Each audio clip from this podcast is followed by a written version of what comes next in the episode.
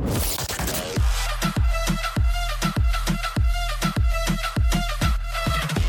Dara, Gue Laila, and this is Kejar Paket Pintar. Hai Dar. Hai lah. Kita ketemu lagi dalam Kejar Kejar, Paket Paket Pintar, Pintar. edisi ulang tahun. Dan masih edisi jarak jauh karena ulang tahun di masa pandemi. Nah, jadi KPP ini tahun ini ulang tahun yang keberapa Bu? yang ketiga. Wow, sudah tiga tahun umurnya. Em, tanggal persisnya nggak tahu, tapi yang pasti kita pertama kali rekaman episode pertama itu Oktober ya 2017. Oktober 2017. Eh, pertama kali rekaman, pertama kali mengupload episode, nyoba-nyoba podcasting itu Oktober 2017. Dengan harap-harap cemas ada nggak sih yang dengar gitu ada kan? nggak ya? Nah akhirnya tapi kita tiga tahun berlalu begitu saja nggak terasa ya kan kalau sekarang kan makin banyak podcast dan kayak podcast podcast hari gini tuh ulang tahun yang pertama itu heboh gitu ya Perayaan. perayaan gitu wow Iya. giveaway wow pendengarnya udah berapa lo tahu ya podcast mas podcast mas tuh baru setahun loh umurnya 2019 akhir Iya. gila tapi udah Udah udah gila sih. Gue sempet dengar di, mereka dua bulan baru tayang tuh lah langsung diajak eksklusif lah gitu. Spotify udah Ah, sponsornya udah ah, Toyota udah Adidas Streamnya tuh udah udah udah Udah jutaan, jutaan satu episode? Gitu. oh my god. Hai abang-abang akang-akang. Akang Omes Darto Enggok Surya. dan Surya we love you. Bahkan nggak usah podcast mas. Nggak sih lah ada beberapa macam podcast setahun aja langsung. Melejit. Iya kita kan lewat gitu aja ya. Ah udah setahun nih gitu ya ya, lumayan lah Eh, seenggaknya bertahan tuh lumayan loh. Survival of the fittest ini kan Ah, ya maksudnya di masa digital content creating ini kan sadis ya seleksi alamnya. Banget. Jadi KPP masih bertahan tiga tahun, alhamdulillah kita syukuri saja. Em, kemarin kan kita buka kesempatan untuk para pendengar dan follower kita di sosmed untuk tanya-tanya nih kalau mau ada pertanyaan buat KPP silahkan mau nanya apa. Nah salah satu pertanyaannya eh, dari Budi, Hai Budskin. Hai bu. Eh, Budi ini nanya salah satu pertanyaannya adalah kayak gimana sih alur kerja kalian gitu kan? Em, episode kita tuh bentuknya macam-macam kan? Di awal-awal itu bentuknya kita ngobrol berdua doang kan der? Betul. dialog. Nah kalau di akhir-akhir sejak setahun lalu ya kita bentuk bentuk tuh. episodenya beragam. Ada yang ala-ala audio dokumenter ada yang wawancara juga banyak jadi eh, mulai variatif lah dan mulai agak-agak ambisius nggak cuman dialog berdua doang. Nah kayak apa tuh alur kerja kita tuh kayak gimana? By the way kita cuma berdua tok ya. iya Kita cuma berdua tok Iya. nggak ada siapa-siapa benar-benar lagi. dari 2017 2018 Satu-satunya perubahan dari 2017 sampai 2019 adalah punya mic. Udah punya itu mic. doang. udah Udah udah punya mic. Mic-nya juga masih mic-mic ya, mic-mic Iya, USB yang iya. terjangkau lah ya. Ah, ah, ah, ah. alat tuh kita nggak kita nggak punya studio kita nggak punya mixer atau alat perekam seperti zoom kita nggak punya produser kita nggak punya boro-boro ya manajer kita editor nggak punya sound engineer eh, iya skill-skill terbatas juga gitu nah coba gimana alur kerja kita gimana sih der gue ingat kita pembagian tugas tadinya eh, oke episode pertama eh, masing-masing eh, ngumpulin ide tema terus kita pitching masing-masing nanti kalau udah dikerucutin masing-masing Mm-mm. pilih gitu. Terus gue inget tuh ada di dua atau tiga episode pertama pembukaannya tuh kita selalu bilang oh hari ini eh, temanya gue yang pilih nih gitu. Hmm, bener. Konten sama-sama menggodok masing-masing kalau membutuhkan yang penulisan skrip masing-masing juga nulis tapi final itu yang ngerapihin, nge-refine itu di lo gitu lah Hmm. karena menurut gua jam terbang memang eh, Laila menulis lebih lebih banyak ya gitu dibanding Hmm. gua gitu gitu Hmm, Iya begitu sih. dan editing di lo Iya, editing di gue. Jadi ka- mixing ya, eh, mixing mixing, sekarang. mixing, mixing dan editing. Iya bener. Eh, Iya betul. Jadi kalau format episode KPP itu cuma ngobrol-ngobrol dialog berdua, itu nentuin tema tuh enak banget kayak nentuin mau beli Iya. coklat di supermarket gitu kan Iya. cap cip cup apa ya? Heeh, karena enteng karena cuma ngobrol Heeh. berdua doang gitu. dan pointers bikin sendiri aja gitu Ah, ah, kan. bikin outline sendiri. Aduh enak banget. Gue inget banget gue sama Dara pernah nentuin karena kita berdua kan orangnya labil terus nggak enakan. Pokoknya lembek banget ya kita Iya. berdua. Jadi kita pernah nentuin tema dengan cara diundi pakai kertas. diundi pakai kertas. Eh, terus kita itu juga jeleknya adalah nggak bisa baca data nggak bisa baca analytics betul udah gitu nggak terlalu ngikutin tren Iya. dan berprinsip emang nggak mau terlalu ngikutin tren. Jadi mungkin kalau podcast-podcast lain ngikutin apa yang lagi rame diomongin ya gitu di sosmed, di Iya. mana. Oh, kita ngomongin itu aja atau misalnya analytics kita gimana ya? Oh, kita banyak didengarkan oleh laki-laki atau oleh terus perempuan. nyari insight-nya tuh apa Ah, gitu ya? Narik narik narik. Ini ada pola apa ya di balik data ini? Terus bisa kita apain ya? Kan gitu. kita kagak, kita orangnya kayak. "Hmm, Terus, hmm, gitu. Ya udah deh. Udah antara tambeng sama blow on. Jadi kayak oh ya nggak tahu deh temanya suka-suka aja Iya, gitu kan. bener. jadi bener-bener kayak cap cip cup banget gitu nah itu tapi kalau yang yang temanya Cuman kita berdua. berdua doang Heeh. Ya, eh, formatnya ngobrol berdua nah tapi kan ada beberapa episode kita yang temanya itu memang berat ya dan formatnya formatnya pun udah nggak ngobrol berdua tapi Iya. eh, semi audio dokumenter, dokumenter. dan melibatkan banyak narasumber bentuknya macam-macam deh pasti teman-teman yang rutin dengar pasti ngerti nah kalau yang temanya politik temanya ham itu pasti besar berkaitan dengan kerjasama kami dengan Amnesty International Indonesia Ya. karena itu salah Ya. satu kolaborasi terbesar KPP itu dengan Amnesty dan berlanjut ya alhamdulillahnya berlanjut. masih dipercaya kok masih sih betah alhamdulillah sih alhamdulillah Jadi kami tentu saja mengambil tema-tema politik, HAM, cuman berusaha kami bumikan ya. Jadi Iya. itu kan pasti tema-tema berat. kita belajar sendiri juga kan lah ya kita belajar gitu. sendiri, kita buka referensi sendiri, kita benar belajar dari nol, mulai dari, nol. em, eh, mulai feminisme, terus mengenai HAM, Ham, tentang hukum mati hukuman mati, itu. tentang politik polisi TNI. betul Papua ya. Papua, waduh gila itu berat banget. Nah, kalau kayak gitu temanya ya kita pasti menyesuaikan dengan Amnesty Internasional atau Mm-mm. siapa pun lah yang berkolaborasi sama kami menentukannya gitu. Oke, setelah kita bikin tema, kita bikin kerangka, bikin outline. Ini mau gimana nih ngegodoknya nih? Bentuknya mau audio dokumenter atau mau wawancara? itu dulu tuh ya kita Ah, itu eh, dulu. formatnya dulu nih gitu Mm-mm, format, kerangka, mau kayak gimana? Apa sih yang mau kita ceritain? Habis dari situ kita list siapa nih orang-orang yang kayaknya potensial untuk diwawancara. Wawancara tuh nggak selalu wawancara full untuk dimasukin, tapi bisa diwawancara untuk nyari informasi Background ya. doang, untuk Iya, background. betul. Saya gini, waktu episode polisi TNI misalnya, narasumber kami dua ya, tapi sebenarnya di wawancara ada tiga orang loh. Kita tiga orang tiga betul. orang tapi satu orang nggak masuk karena dia hanya sebagai ngasih background. Sama kayak waktu episode mama-mama Tambora kita bahas soal waria-waria yang di daerah Jakarta Barat Tambora. Itu yang kita wawancara tiga orang. Tiga tapi yang orang. masuk cuma dua orang kan? Betul. Satu orang Karena itu, itu untuk memberi background untuk kami. Memberi background eh, dan juga apa ya kayak ada nggak sih pemahaman kita yang salah gitu Mm-mm. karena mereka yang ahlinya kan Betul. gitu jadi kita ini dulu tuh eh, Riset. backgroundnya riset itu dulu tuh di yang dibanyakin Betul. Satu hal yang paling gue dan Dara takutin adalah sotoy. ya takut loh kita Betul, betul. sotoy. Heeh. karena kalau udah keluar ke naik ke internet walaupun kita turunin tuh suka udah ada yang nyimpen tuh Betul.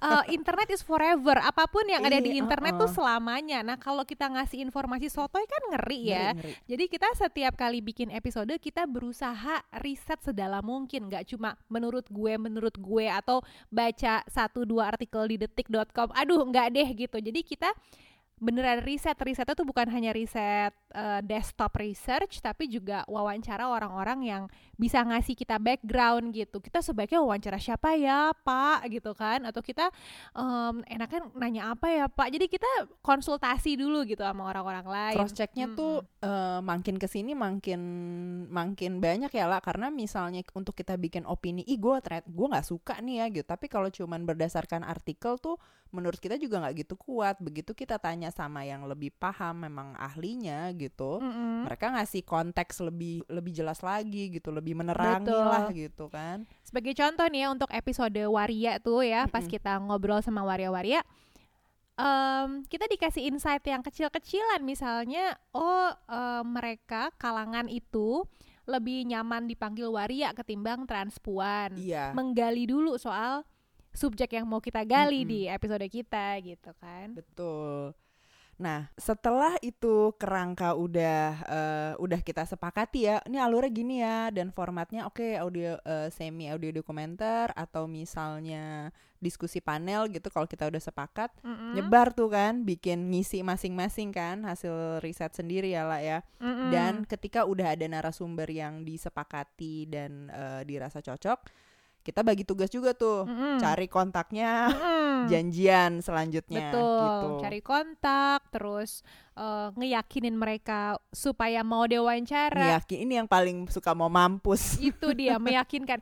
Intinya adalah mengapproach narasumber dan mewawancara mereka tuh juga tantangan Betul. karena yang kita approach tuh sering kali completely stranger yang nggak ada networknya Iya. gitu. Nah, ah, dan gimana mereka mau diwawancarai gratis dan gimana kadang-kadang mereka juga harus terbuka kan open up mau cerita masalah-masalah pribadi misalnya ke kita tuh gimana. Iya. Itulah pokoknya challenge-nya. Betul. Abis itu kita kontak-kontakin narasumber mau supaya mau diwawancara, udah terus udah nih kita mulai produksi ya. Produksi. Kita mulai eh, pergi ke narasumber, rekaman, selesai. Kita ngatur jadwal untuk eh, rekaman kita sendiri kalau dari eh, hasil itu perlu kita masukin narasi atau bridging ya lah ya. Betul, tapi sering kali sih harus kayak gitu. Jadi Iya. eh jadi kita tuh ibaratnya eh, rekaman tuh berkali-kali. Jadi pertama rekaman sama narasumber dan narasumbernya kan sering kali banyak ya. Itu satu. Abis itu rekaman diri kita sendiri. Terus udah selesai rekaman, kita transkrip tuh. Transkrip, nah, dulu time code. time code tahun lalu pas kita baru mulai eksperimen dengan format episode begini itu gila banget yang di Gila. time code tuh per kata loh verbatim. Verbatim bener verbatim per verbatim. kata lo tau kita tuh pernah satu episode Hem aja ditulis. Hem, hem, eh, eh, hem, em, itu gitu. ditulis. Jadi kita pernah ya misalnya contoh kita pernah eh, ep- satu episode itu tujuh narasumber dan setiap narasumber itu diwawancara sejam ya. Jadi lo ngebayangin harus mentranskrip tujuh jam wawancara. itu lo nggak pingsan nggak pingsan itu aja ya. Pingsan. Iya satu narasumber satu jam. Dan itu kan kalau lo verbatim nggak bisa satu jam. Itu tuh lo dengerin langsung ngetik enggak itu kan Enggak, playnya harus di, berhari-hari. Dipelanin apa di apa? Speednya tuh dipelambatin. Kalau enggak Dan ulang-ulang. ulang ulang ulang ulang, ulang. Gila loh itu kayaknya menghancurkan rumah tangga gue sih waktu itu. Kayak saking sibuknya gue. iya lo inget gak Itu sih lah? Itu gila. kan dengan seni ya. Episode dengan seni itu yang pertama Iya. gue inget Banget. dan itu pas gue lagi ada project eh, Ke Eropa ke loh. Eropa itu juga mau Mm-mm. mampus gue Mau gitu. mampus itu nyelipin. Dara lagi di Eropa.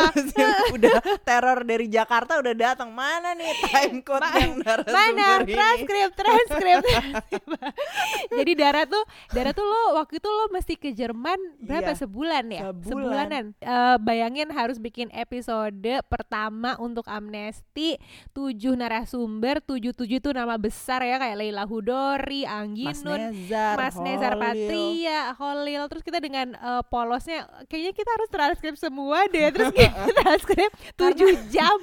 Gue inget banget ya, gue inget banget itu kan saat episode itu kan gue bikin naskah ya, gue Iya, bikin naskah, gue bikin iya. skrip. Emang kita gue tuh dulu selalu rajin bikin skrip, belakangan udah mulai kendor, males ya. Tapi dulu itu gue rajin setiap episode eh, pasti gue bikin naskah, bikin naskah. Jadi ada naskah VO gue dan Dara masing-masing, terus naskah transkrip para narasumber. Jadi biar kelihatan alurnya gitu dengan jelas kayak bikin eh, kayak bikin skrip film, kayak bikin naskah Iya. film persis. Dan itu kenapa harus kita verbatim kan supaya kita nginget lagi apa nih yang bisa di alurnya dibikin menarik gitu. Betul. Jadi potongan potongan wawancara tahu persis mana yang harus diambil. Makanya kita time code-nya tuh per kata gitu. Mm-mm, Di transkrip per mm-mm. kata. Nah, eh, itu kalau nggak salah ya, 30 lembar transkrip. Iya, kalau nggak salah 30 lembar skripsi. Nggak lebih deh kayak gue inget banget kayak 12.000 ribu kata in total kayak karena gue ngeliat di Word ini gila banyak banget tapi gila edan itu pengalaman Itu kayak pertama yang nggak akan gue ulang. sekarang udah Iya. sekarang udah tahu celahnya udah tahu gitu. celahnya udah udah udah udah mulai Heeh. lancar jadi patongan patokan gue waktu itu dalam membuat episode yang semi dokumenter itu podcast namanya This American Life. Ya. Lo kalau betah dengerin podcast bahasa Inggris dan long form ya satu jam lebih gitu lo coba denger deh This American Life. Jadi This Betul. American Life itu podcastnya eh, NPR grup NPR grup radio gitu ya. Dia yang memproduksi serial eh, podcast legendaris itu kan. Iya itu yang bikin awalnya ngeboost podcast tuh ngebus podcast karena dia bentuk uh, podcast investigatif pertama tuh waktu itu. Nah, This American Life ini uh, podcast yang tentang potongan kehidupan orang-orang Amerika gitu ya. Ya. Episode ini misalnya tentang kebiasaan summer camp anak-anak Amerika, terus episode depan tentang mm, diner-diner di Amerika. Pokoknya tentang uh, culture sehari-hari orang Amerika, Amerika. ya. Nah, itu bentuknya tuh dokumenter dan bagus banget. Gue sih suka banget ya dan gue merasa oh inilah the golden standard of making dokumenter audio dengan sotoynya kan gue berusaha oke sebisa apa ya gue ngegas diri gue supaya bisa jadi kayak mendekati aja nggak Iya, mendekati bener. deh pokoknya kiblatnya ke This American Life atau Iya. apa pun produksi NPR ya lo bayangin dua anak bocah kagak ada Iya, pengalaman nggak pengalaman punya mau kayak BBC dokumenter mau kayak juga, BBC gitu. dokumenter nggak punya kru nggak punya tim nggak punya alat ya mati lah meninggal tengah jalan. Anjing gitu kan. Allahu Akbar susah banget bikin episodenya mana kan berat banget ya topiknya waktu itu Iya. episode pertama yang kita Iya. coba dengan format kayak gitu tentang masalah tragedi 98 lo Iya, bayangin itu betul. antara ngomongin soal soal polisi soal tim mawar soal HAM Ham. soal kesedihan orang tua yang kehilangan anaknya terus ngomongin soal Terus itu, oh ya ampun, ini kan perlu bridging ini ya lagu ini di sini nih harus ada pengantar gitu. Karena kan sebelumnya kita cuma Mm-mm. ngobrol gitu kan, nggak nggak ada nyari masukin lagu atau karena harus membentuk atmosfer karena Bener. kalau bikin audio dokumenter tuh kan nggak cuman tektok tektok tektok wawancara wawancara narasi tapi kan harus ada atmosfer yang terbentuk gitu kan jadi milih harus ada musik apa nih harus ada Iya, sound apa- iya. Nggak gue jadi inget nggak ada nggak gue apa ini kita mesti nyari eh, apa namanya tangisan ibu buat yang ada penembakan suara Tapi kan istighfar. malam Natal tapi gue Oke ya, gue gue perjelas, gue perjelas untuk para pemirsa ya. Jadi ada satu episode kita itu tentang eh, TNI penembakan oleh TNI polisi. Jadi kita cerita soal kasus penembakan anak-anak di Papua oleh TNI. Itu ya Papua Papua kan ini mayoritas agama Kristen ya Kristen dan kan, terjadi di ag- di malam Natal. Terus gue bilang sama Dara, Dar coba cari soundbite eh, suara ibu menangis Gue gitu kan. Ibu menangis karena ke, karena kehilangan gitu. Cari dapet ya kan? Saya dapat itu. Dapat oke. File dia kirimnya Saya ke kirimnya aku dia. kan? Pas gua ngedit itu suara tangisan tuh untuk mengiringi narasi kan? Kan karena kita bikin narasi cerita pada malam itu la la la la la gitu kan tertembak suara su- eh suara audio ibunya astagfirullah Allahu akbar gue bilang. Kagak matching shy lupa gue sama di nah detail-detail kayak gitu tuh itu juga jadi pelajaran buat gue gitu kan Iya, karena inilah di mana idealisme idealisme lo diuji. Iya kan bener kita bisa aja cuek kan udah bodo amat gitu. mm-mm, tapi yang kayak aduh nggak bisa Nggak gitu enak, nggak enak nggak enak enak nggak Heeh, etis nggak dong. Ini enak. juga penghormatan kepada korban penembakan waktu itu di Papua gitu Oke, jadi kita terus kemudian reproduksi, terus kita em, bikin naskah, abis itu abis itu kita edit ya, abis baru, baru kita edit. Nah, eh, gue editor dan mixer dan eh, ini juga lumayan mengguncang hidup gue sih alias kagak tidur tidur kalau ngedit gitu kan. Cuman em, kalau dengan adanya naskah dan transkrip dan time code itu mempermudah gue sih ya, Sang- sangat enggak. sangat mempercepat Ha, sangat lebih gampang ngedit begituan daripada ngedit TikTok gini der bener Iya, ngedit iya, TikTok iya, gini iya. kan banyak kayak ketawa-ketawa haha gitu kayak aduh mau motong yang di mana gitu ya tapi Bener. kalau ada naskah tapi memang harus ada naskah karena narasumbernya banyak dan topiknya berat kalau kalau ngeditnya juga berat ya metong lah gitu Iya. tapi Bener. Oke, nah tapi eh, yang menantang itu bukan ngedit tetapi mixingnya lagi-lagi tadi seperti gue bilang gimana membangun atmosfer kan, Mm-mm.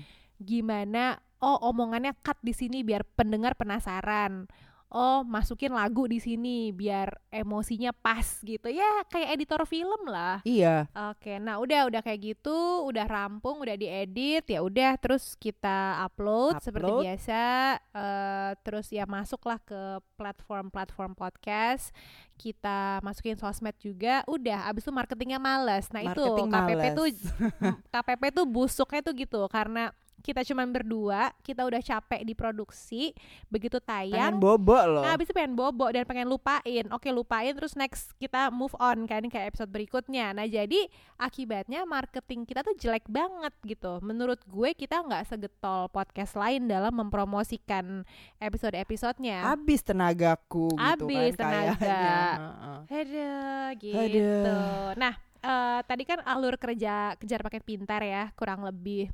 Semoga bisa ditangkap ya, kayak gimana. Ditangkap akrobatnya kayak gitulah ya Betul. gitu di eh, ingat dengan kita ada kerjaan lain gitu ya. Jadi Ah, ah, kita kan. Pod podcast ini kan bukan mata pencaharian kan, Iya, kita masih ada uh-uh. kerjaan lain, masih kerjaan ada lain, lain. gitu. Jadi ya itulah. Hobi kok bikin Bi- sengsara ya, hobi nyusahin diri. Tapi apakah dengan menghadirkan nama-nama besar itu pendengar kita eh, bertambah besar juga? Enggak juga. Walaupun sedikit tapi ada loh yang loyal sama kita lah. Oh ada ya, betul. Kalau teman-teman mm-mm. tahu Flights of the Conchords, jadi Flights of the Conchords nih eh, band duo juga punya serial seri komedi gitu. Uh-uh. Mereka ini Flights of the Conchords ceritanya kayak band-band gak kurang terkenal gitulah kayak Iya. KPP gitu ya, podcast kurang terkenal. Mm-mm. Tapi mereka punya satu orang super fan, cewek namanya Mel, yang yang ngefansnya tuh kayak ngintil gitu ya, terus yang iya bener-bener cinta banget gitu. cinta banget terus nge- ngedukung gue inget banget eh, mereka baru ngeluarin eh, apa CD gitu itu Mel semua Yang yang, borong. Heeh, karena nggak ada yang beli waktu Iya. dia buka booth gitu kan Nah, siapa sangka kayaknya ya, kayaknya lo gue nggak mau GR ya. gue juga nggak mau Ya, GR sih KPP juga punya super fan. super fans pendengar setia gitu yang ngasih kita semangat bener-bener bukan cuma dengerin doang loh ini nih beneran Support, engage, sama engage. kita Jadi kita cerita dulu ya, siapakah ini orang ya. Iya. Jadi kita sebut saja ini namanya adalah Jeffrey ya. Yes. Nah, Jeffrey ini adalah pokoknya pendengar KPP ya pastinya kan. Kita sebenarnya kan nggak tahu ya karena Spotify atau Anchor atau apa SoundCloud kan nggak bisa komen, Nggak bisa. eh, terutama di Spotify ya. Jadi kan nggak bisa komen-komen kita nggak tahu. iya Tapi Jeffrey ini engaging engage sama kita tuh di sosmed, di Twitter, di Instagram. Kita dulu tuh zaman kita pernah tuh ya rajin Insta Live ya, Instagram Live KPP. Yang nonton ya dia gitu. Terus Terus selalu hadir loh bela-belain gitu. Selalu Dan nanyain ada gue hadir. inget ada satu kali kita bilang kita kan mau em, setiap hari apa gitu. Terus hari itu kita nggak ada. Dia eh, DM, "Kak, ini udah kelewatan ya?" gitu. "Ah, aku udah bela-belain nih mau nungguin Insta Live KPP kok nggak ada. Gue bilang kayak, oh dia nyariin, malah yang lain mana ada yang nyadar. Terus kita bulan lalu tuh kita pernah mencoba peruntungan ya, Iya. ikut lomba podcast, ikut Uh-uh. lomba podcast di em, sebuah lembaga kementerian gitu. Betul. Terus kan kan harus kita harus ngepost di sosmed kan. Iya. Kita tuh ngepost jam 12 malam, pokoknya udah batas Udah deadline. batas deadline Batas deadline pengumpulan gitu kan Heeh. untuk lomba itu. Terus si Jeffrey tengah malam itu DM gitu komen, kakak, kakak belum ngepost flyernya itu adalah syarat Oh kakak. itu. Heeh, dia kayak Kita- ngingetin, kakak Makanya, harus, ih. pokoknya KPP harus menang. Gue kayak, ih terharunya aku. Aduh, Jeffrey, aduh itu tuh yang bikin juga capek-capek bikin jadi hilang gitu Ah, kalau ada ah. yang ngedengerin dan memang apa namanya engage sama kita gitu. Tapi gue inget tuh ada setelah Jeffrey di YouTube em, apa ada lagi ko- komen kok sepi Baru tahu. Kang baru tahu Kang Emang sepi kita.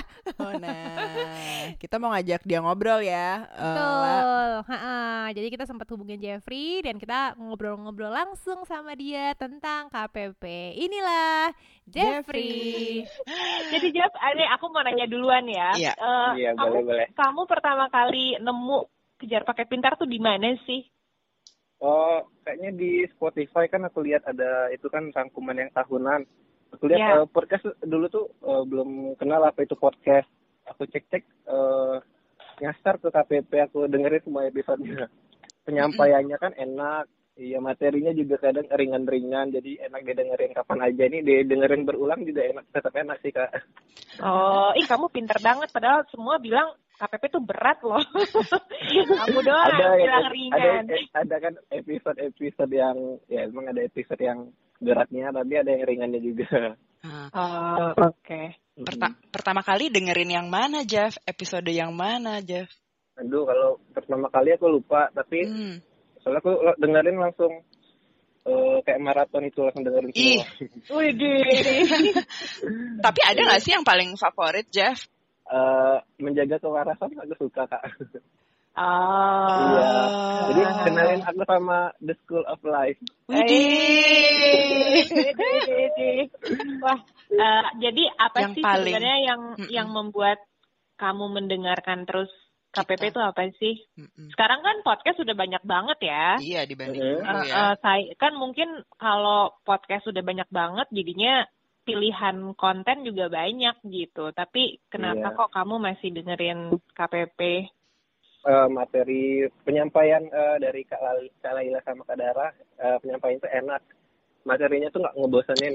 Hmm, oke. Materi nggak ngebosenin ya.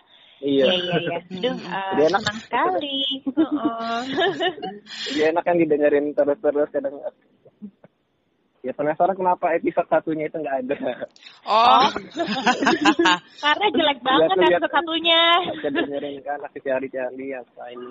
Emangnya Oh, jadi kemarin itu tuh banyak yang nanya tuh enggak sebenarnya episode satu kan episode eh, percobaan ya Proto- pilot project. pilot. Sebenarnya sih ada filenya ada, cuman memang kalau di Spotify itu nggak masuk karena jelek banget, jelek banget. Namanya juga percobaan ya, malu kita.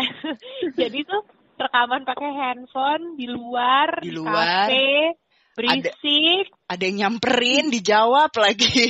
Eh, eh, ada orang tengah-tengah nyamperin kita lagi rekaman dan belum ngerti alur podcast jadi aduh jelek banget deh terus kita sebel aku sih sebel ya jadi udahlah nggak usah ditunjukin lah Oke. gitu yang episode kedua ketiga dan seterusnya udah mendingan gitu gitu deh aku mulai dengerin KPP ini tahun eh, 19 ya kak. Den- dengerin KPP dari 2019. 2019. iya kita pertama rekaman tuh 2017 jadi kita Mm-mm. anggap tiga tahun lah gitu oke Oke. Ya. Makasih banyak Makasih ya, ngobrolnya, Jeff. Iya iya sama-sama. Yo. dadah Dah. Ya dah. Oke.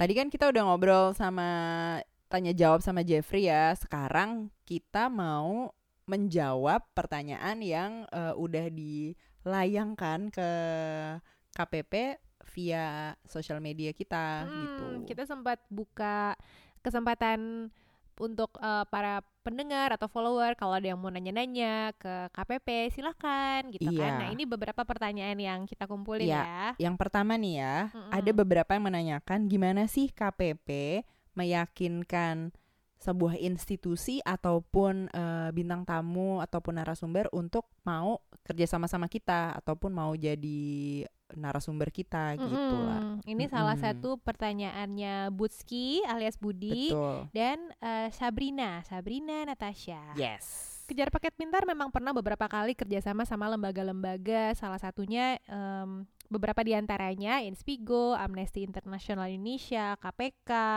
terus Omah Munir gitu-gitu dan em, oh ini juga apa base entertainment gitu. Ya. Tapi gerbang besarnya dua gerbang besar kerjasama KPP itu Inspigo dan Amnesty International Indonesia ya kalau gue bisa bilang. Betul. Eh, Inspigo itu betul. kan berdiri 2017 ya. Founder dari Inspigo itu suami istri eh, Mas Tio dan Mbak Dita Guritno. Mereka berdua ini foundernya dan kebetulan Mbak Dita nih kakaknya temen gue gitu. Betul.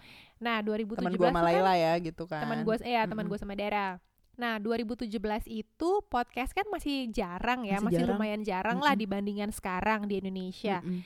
Jadi KPP dinotis nih sama Mbak Dita Mm-mm. kayak wah ini ada podcast kayaknya temennya adek gue nih gitu. Nah terus kami diundang nih datang main yuk ke kantor ke Inspigo ya datang aja entah nanti ada kerjasama apa kita nggak tahu Mm-mm. ya udah akhirnya dari situ kita sempat ber- beberapa kali bikin episode bareng sama Inspigo terus Inspigo juga bantu kami bikin bumper yang sampai Iya. sekarang dipakai thank you so much itu adalah jasa terbesar ya dari Betul, Inspigo waktu betul. itu Dan Inspigo juga yang ngebukain jalan. eh, menurut gue tuh nyambung tuh begitu amnesi itu kan ketika Inspigo ngajak kita untuk eh, tampil presentasi bareng di acara podcast di day Mula di Mula Cilandak. kan. Heeh. Kebetulan salah satu apa namanya communication manager Amnesty Internasional hadir Heeh, gitu. dan dan Amnesty waktu itu bilang eh wah kita memang lagi pengen bikin nih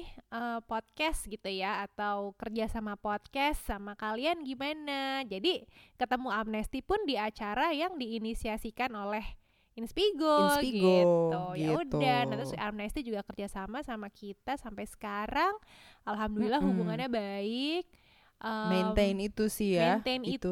gimana kita terus Mm-mm. berteman jadi Inspigo support kita. Gue sampai sekarang juga support Inspigo Amnesty support kita kita juga support Amnesty terus Mm-mm. ya udah kerja sama kerja sama lain datang dari gerbang itu ya. Mm-mm. tapi kita sendiri sih kita tuh nggak ngoyo nyari kerjasama betul.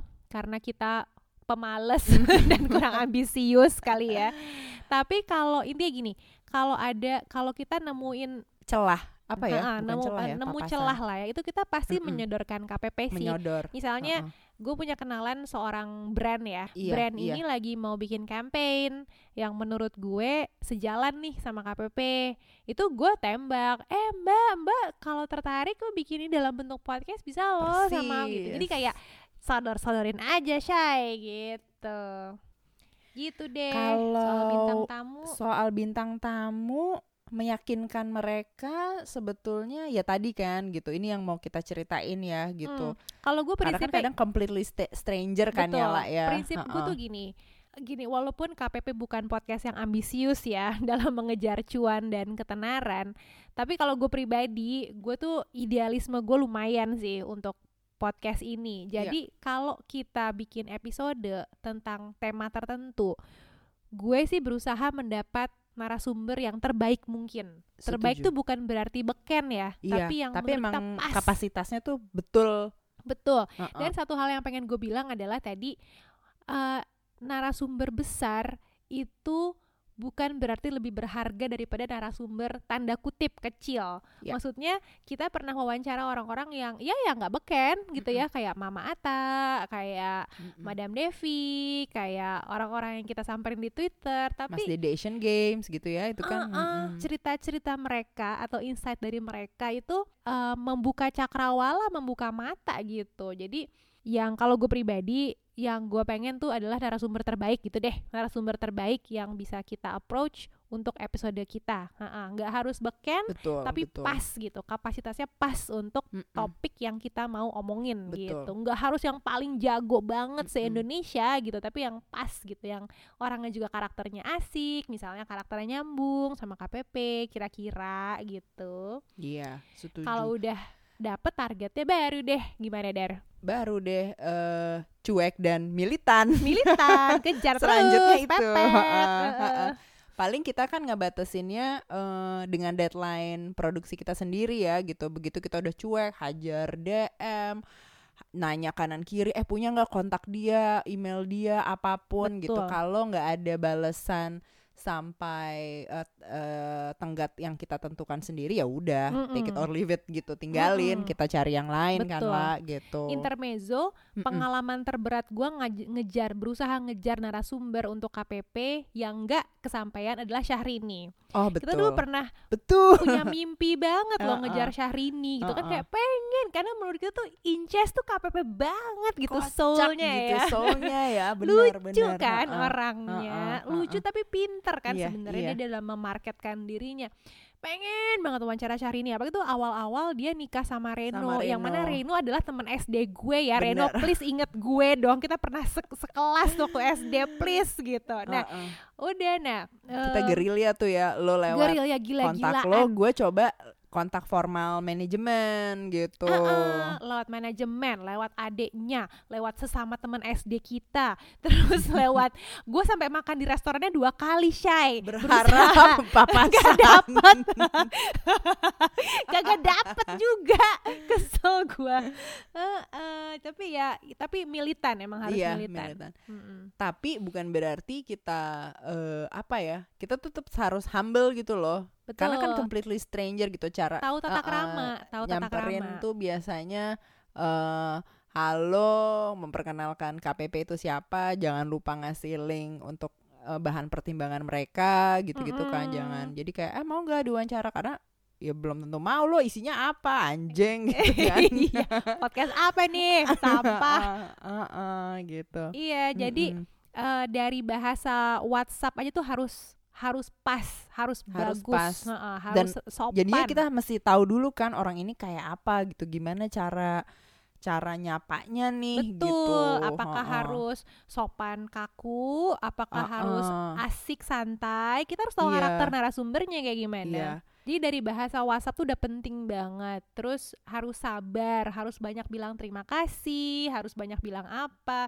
Terus kalau udah dapet nih, dia udah mau nih wawancara, kita ikutin deh. Dia minta wawancara di Gunung Kidul. Iya, oke, kita samperin Iya, oke gitu. bisa ah. jam 12 malam. Oke, dan ini beneran kejadian saat kita bikin episode Asian Games. Kita Betul. wawancara dari pihak Humas ya kalau nggak salah Asian ah, Games Humas. itu bener H minus Hamin 8 Asian Games kalau nggak salah Iya. Hamin 8. jadi dia udah gila banget tuh sibuknya udah mau mati dia kan Betul, kerja kerjaannya kayak apa kebayang? Dia bilang "Eh, kita wawancara jam 12 malam ya di Wisma Asian Games. Oke, oke berangkat. Mm-mm. oh, inget nggak kita wawancara Angginun ngejar ke airport oh bener itu bener-bener nyari eh, nyari waktunya tuh Iya, celahnya jadi gimana? waktu itu kita lagi ngejar Angginun dan Angginun mau pergi ke, ke Locarno Eropa. iya Oh, Locarno, Itali kan. Festival film. Ab- Mm-mm. Dia nggak ada waktu lagi. Jadi kita nyamperin dia ke airport satu jam sebelum dia Iya. satu berangkat. jam sebelum dia berangkat jadi ne- tetap ada negosiasi misalnya hari tapi memang kita tetap lebih akan ngikutin dia sih gitu akan Mm-mm. coba gitu dan jangan Betul. lupa token of appreciation Betul, itulah. Nah, mungkin karena faktor kita cewek ya, Iya. ibu-ibu Heeh. gitu. Kalau dateng nggak bawa buah tangan nggak enak kan, Iya. gitu. Nah, jadi kita itu berusaha kalau wawancara orang itu bawa a token of appreciation.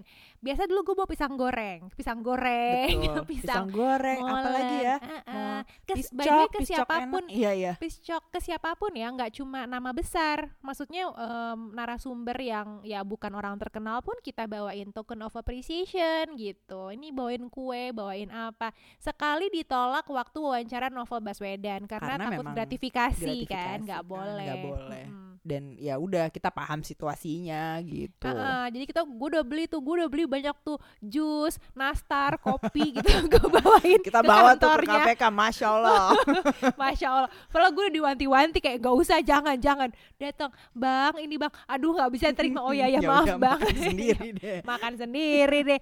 Nah terus tapi eh, waktu itu kan kita bikin bikin episode di mana kita nongkrongin rumahnya bang Novel ya. iya iya Nah itu gue riset tuh anaknya ada berapa dan umurnya berapa. Iya. Oh Bang Novel punya anak yang masih kecil, masih balita, umur 3 tahun gitu. Oh oke. Akhirnya pas kita datang ke sana gue bawain mainan satu kop satu duffel bag itu gue bawain bawa mainan. buku Mm-mm. dan Tapi maksudnya bukan untuk dikasih ya, tapi Iya. untuk main bareng gitu. Itu mainannya ponakan-ponakan gue. Jadi ada puzzle, ada apa gitu kan. Itu gue bawain Ini jadi sambil Dan itu jadi ngebantu produksi kita juga sih. Jadi misalnya jadi icebreaker jadi ya. icebreaker, Jadi icebreaker. terus misalnya kita lagi mau tanda kutip nyulik eh, perhatian bapaknya dulu, anaknya yang tadinya gelendotan kan jadi jadi pindah Jadi fokus tuh main. kan, jadi main Uh-uh. dulu gitu. Betul. Terus em, Eh, pertanyaan kedua ya, mm-mm. ini ada yang eh, beberapa orang bertanya, gimana sih ngejaga kualitas konten, terus menentukan konsep per episode dan sebetulnya goal KPP tuh nantinya mau ke genre tertentu atau enggak gitu. Mm-mm. Ini salah satu pertanyaan dari Renandra sama juga dari Kamia, dia ipar gue loh, Shay. Dia nanya sih, ini Oh. KPP eh, kayak audiensnya tuh siapa gitu lah, lebih ke arah situ. Blue Plastic 13 Blue juga deh Plastic kayaknya. 13, iya itu juga nama username-nya ya. Iya, mungkin kalau dari kualitas ya, Mm-mm. kita kan otokritik masing-masing harus jalan terus tuh Betul. evaluasi setiap selesai episode eh, langsung kayak oh ini mestinya kayak gini jadi ini apa yang kurang misalnya gaya eh, gaya bicara gua kurang intonasinya nggak jelas gitu atau pada saat bertanya wawancara kurang kurang concise gitu itu jalan terus kemudian eh, untuk menjaga kualitas kita kompromi sama durasi pengerjaan ya lah ya Mm, gitu Betul. Jadi, jadi ya udah nggak apa-apa kalau mis- misalnya memang harus lebih lama gitu. lagi-lagi kalau podcast beken podcast beken kan tuntutannya besar ya. Tuntutan tayang harus seminggu sekali. Lagi-lagi aku mau menyebut podcast mas karena aku mau ngejilat ya. Hai podcast mas. Tolong masukkan kami ke podcast Mas Asian Network. itulah. Nah podcast mas ini kan udah dua kali seminggu loh saking bekennya mereka gitu kan nah eh, KPP sebulan sekali makasih. Sebulan sebulan sekali juga nggak ny- nggak ada yang nyariin sih. Jadi tapi kita memang jarang jadi ini sebenarnya agak gue ya gue ya dari ya. Gue tuh Iya, agak nggak enak sama yang kerja sama sama kita sih. Mm, aduh lama banget sebulan sekali sebulan sekali gitu kan. Eh, pernah tuh gongnya dua bulan sekali juga pernah tuh kan. Pernah, pernah. Heeh, tapi memang karena gimana ya pertama podcast kan bukan mata pencaharian kita ya kita masih ada kerjaan lain gitu dan yang kedua itu memang ada idealisme menjaga kualitas lah kita cuma berdua doang kerja Karena dari ka- karena kan kita selalu bisa ada pilihan kan. Oh ya udahlah ngobrol berdua aja terus eh, misalnya kasih bahan ini terus kita sebutin aja gitu. Tapi kan kita nggak mau nggak mau sekadar begitu ya. memang kita itu orangnya eh, apa namanya eh, humble ya Humble. Jadi juga jangan ya karena an- humble jangan sampai sok tahu gitu kan.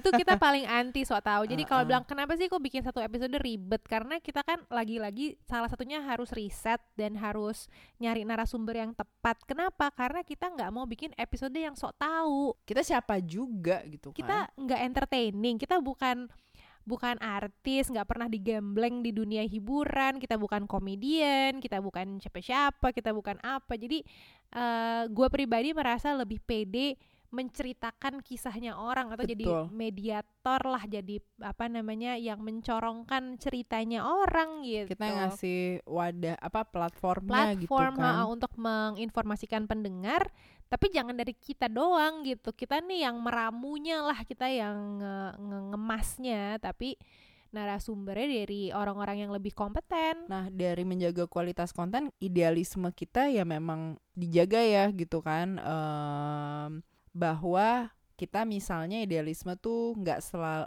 bukan nggak selalu bukan ngikutin tren gitu. Misalnya oh tagar apa yang lagi tak lagi trending gitu atau trending topik tuh kita nggak di situ ya bahwa kita berangkat awalnya dari cerita yang memang kita tertarik. Betul soalnya gini soalnya kan bikin episode KPP udah berat nih. Iya.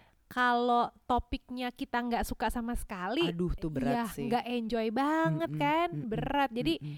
at least kita tertarik sama topiknya gitu. Mm-mm. maka kita akan menggali dengan senang gitu. Dengan senang bener sih gitu kalau udah udah emang interest banget sama topiknya tuh jadi jadi jalannya lebih lebih enak sih. Nah oke terakhir nih yang mau kita bahas adalah funniest moment. Funniest moment dalam berpodcast. Apa momen-momen terlucu yang pernah iya. kita alamin ya? Iya. Kalau gue pertama waktu produksi merekam yang jahanam. Itu ribet eh, lupa Ah, ah. nandain nandain masing-masing kabel sama colokan mic gitu kan. Sementara gue bertanggung jawab atas eh eh, rekaman gitu kan. ini Maksudnya tuh kita lagi ngerekam castnya perempuan tanah jahanam ya. castnya tanah aja ada empat, Empat orang, orang. kan. Heeh.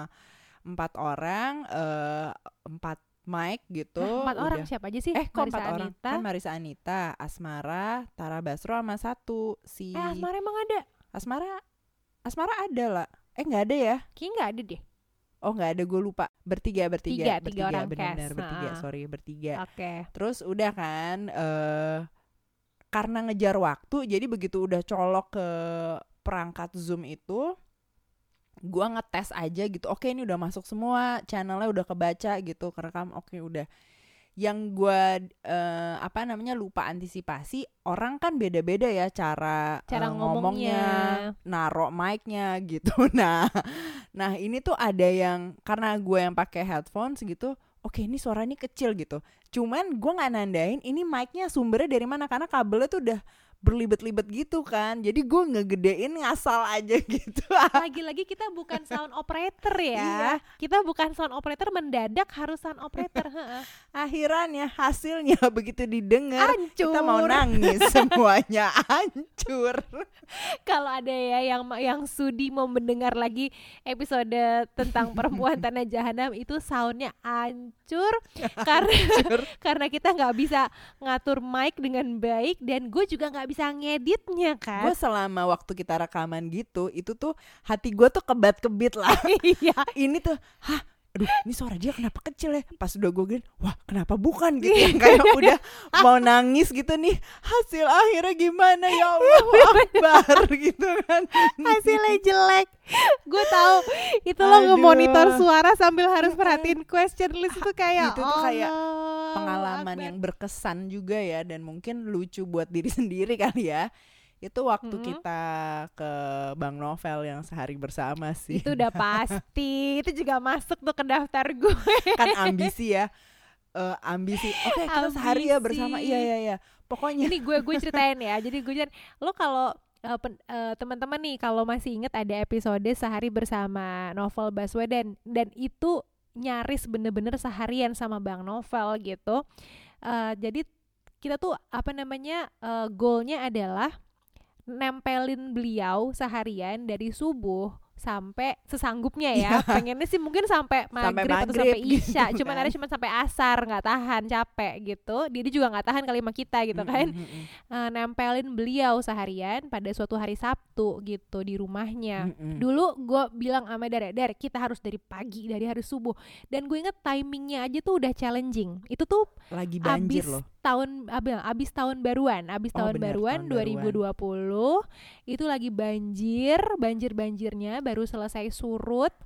Terus udah gitu em, kita harus ke Kelapa Gading ya ke Iya. rumahnya. Mm, mm. Terus udah gitu soalnya gue juga tahu Bang Novel ini selalu sholat subuh di masjid selalu. Jadi kayak trademark keseharian dia gitu adalah memulai hari dengan sholat subuh. Di masjid. Wah bagus banget nih ambience-nya kalau kita ngejar pagi-pagi subuh-subuh. Jadi apalagi Mm-mm. ngangkat sedikit waktu dia kena penyiraman itu kan di subuh iya kan penyiraman air gitu. keras tuh kan pasca sholat subuh gitu kan. Jadi deh kita berangkat jam 4 berangkat lah gitu kan berangkat cuy jam setengah lima pagi ke Kelapa Gading. di gitu. daerah Gading udah menuju jam berapa ya lah ya? Udah menuju subuh kita agak telat ya kita nggak dapet pas subuhnya tapi kita sempet sholat subuh bareng sih di sholat subuh di masjid bareng gitu. kompleknya. Kita bisa mulai wawancara beneran kayak sekitar setengah enam jam, jam, enam. setengah enam setengah enam jam enam di rumahnya kita nangkringin ya jam 10 pagi udah tiwas udah udah. banget. Gue udah kayak masya allah mata ketap ketip gitu sementara harus on terus kan? Harus on Harus terus on kan? terus, karena kita kan Untung harus juga ditawarin kopi ya gue lupa deh. kopi. Kita kan Iya. juga harus ceria dan harus dan sesekali obrolannya tentang politik Syai. Gila kita kepleset dikit salah ngomong ini gimana? Iya sebentar gue udah kayak ya Allah gue udah pengen rebahan udah ngantuk terus ke, agak tegang lagi tuh karena alatnya amnesti tiba-tiba mati. Rusak. Jadi zoomnya tuh eh, tiba-tiba error padahal tuh pinjeman punya amnesti. Itu pinjeman. ya itu gila Allah. banget sih. Langsung harus akrobat. Ah, gila-gilaan sih. Akhir kata, Kata- eh, semoga tiga tahun ini apa kita udah memberikan banyak hal yang berfaedah Iya. ya untuk para pendengar. Kon adalah kontribusi positifnya buat teman-teman pendengar gitu dari gue itu. Kalau gue akhir kata, gue akan mengutip narasumber go- goib kita hari ini, narasumber yang nggak hadir di sini tapi disebut terus yaitu podcast Mas. Oh betul. Gue anggap aja narasumber ya karena kita sebut terus. karena kami akan mengejar anda. Kami akan mengejar Anda. Tunggu tanggal mainnya. Oke. Iya. Jadi gue mau mengutip salah satu anggota podcast Mas yaitu Imam Darto. Iya. Selama kalian dengerinnya gratis, nggak usah banyak bacot deh, nggak usah banyak masukan. Dah. Dah.